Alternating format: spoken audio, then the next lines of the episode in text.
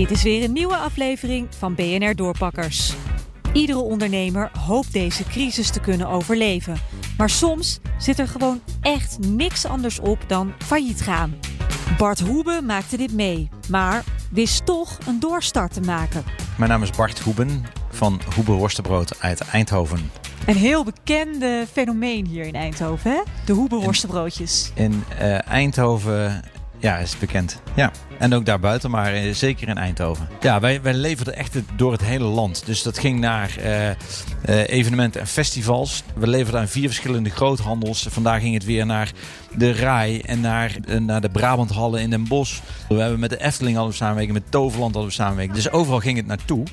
En toen kwam corona, dus toen viel dat allemaal stil. Is het bedrijf nu nog in gevaar qua faillissement? Nou, nou ja, ja, je weet natuurlijk gewoon niet wat er gaat gebeuren. Dus, maar zoals het nu loopt, kan je hiermee de basiskosten, plus natuurlijk de overheidsregelingen, kan je dat daarmee dekken? Ja, ik denk dat we het zo net halen. De doorstart was nog wel even spannend. Je weet niet wat er gaat gebeuren. Wij wisten niet wat, uh, hoe, hoe dat spel gespeeld moest worden. Of, of überhaupt hoe dat eruit ziet. En ook de verhalen die je hoort over, uh, over curators. En, uh, en, en dat werd ook wel gezegd door mensen van... weet je, je bereid je op het ergste voor en dan kan het altijd meevallen. Maar uiteindelijk heeft dat hem juist kracht gegeven. Wel strijd, strijdlustig. Jij dacht echt, ik, ja, ga dit, ik ga door. Ik zei, ik, ik, ik heb altijd ergens in mijn onderbuik gevoeld... Dit kan, het kan niet zo zijn dat het nu ophoudt. Bart heeft wel afscheid moeten nemen van zijn broer als zakenpartner. Lucas, mijn broer en ik hebben in heel goed overleg afscheid van elkaar genomen. Hm. Omdat we zeiden, ja, we weten niet wat er gaat gebeuren. En, we, en het was ook dat we het risico gingen spreiden van ja, twee gezinnen daarvan uh, voeden in deze tijd. Het is je brood. Ja, het Is ook, ja, dat is ook een risico. Bart verhuurt nu een deel van het gebouw aan een marketingbedrijf. En dat is een win-win situatie. En een van de dingen die ik uh, wilde, kijk, wel een bovengroot kantoor, alleen dat was niet meer nodig. Ik heb zelf ook een, een marketingachtergrond. En ik dacht, dat moeten we, daar moeten we verder mee. Dus een, met een marketingpartij wil ik boven hebben. Want die kunnen met jou meedenken? Ja, dus die kunnen met mij meedenken. Die kunnen het, het merk sterker maken. En aan de andere kant verlicht het mij ook een stukje in de, in de huur. Ook in de winkel wordt alles anders.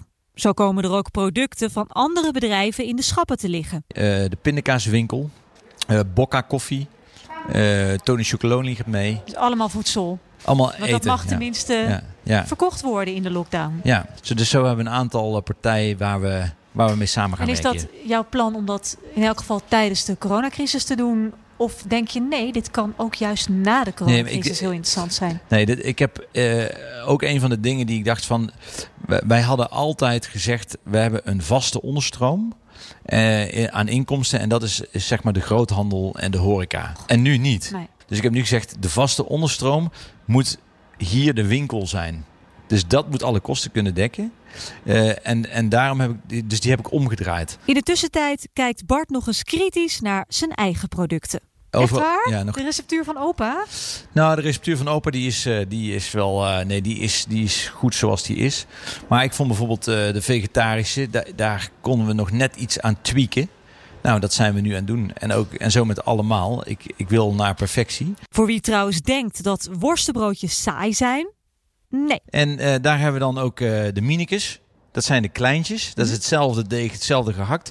Uh, vegetarische worstenbroodjes en veganistische. We hebben worstenbroodjes met lam. Dat zijn halal worstenbroodjes. We hebben hier truffelworstenbroodjes. Dus met een truffeltappenade er doorheen. En uiteindelijk heb ik deze. Dit, dit, is mijn favoriet. En dat is met kip daarin. En dat zijn sportworstenbroodjes. En ik kan het gewoon niet laten. Is het tijd Zeker. voor een worstenbroodje? Nou, laten we maar gaan doen. Ik ben wel benieuwd. Nou, ik wil toch opa's recepten wel even proeven. Ja, wil je de ja. traditionele? Nou, dan ga ik die, uh, ga ik die even... Moet hij warm of hoe werkt ja, dat? Ik ben geen Brabantse namelijk. Hij, hij moet warm. Zal ik hem eventjes uh, in de oven leggen? Nou, graag. Hm. Nog even wachten dus. Voor bedrijven die in de knel komen, heeft Bart nog een belangrijke tip. Uh, ik had de naam Hoebe Worstenbrood had ik bij het Benelux, Benelux Merkenbureau had ik gepatenteerd. gepatenteerd. Ja. ja. en dat was voor mij privé. Dat heb ik jaren geleden gedaan. Iemand heeft mij dat ooit eens gezegd. Doe dat. En dat heb ik toen gedaan. En daar was ik nu heel blij mee. Want de naam die zat dus bij mij. Dus die, zat, die bleef uit het faillissement. Uh, dus er zijn best wel een hoop bedrijven gekomen die hebben gevraagd of ze uh, Hoebe worstenbrood over konden nemen of mee verder konden gaan. Mm -hmm. Maar dat ging, maar dan wel zonder de naam. En dat, en dat scheelde een hoop, waardoor het minder interessant werd. En dan zijn de worstenbroodjes klaar. Heerlijk. Smaakt hartstikke goed. En wat een ritje naar Brabant waard is. Dit was Doorpakkers voor vandaag. Houdoe!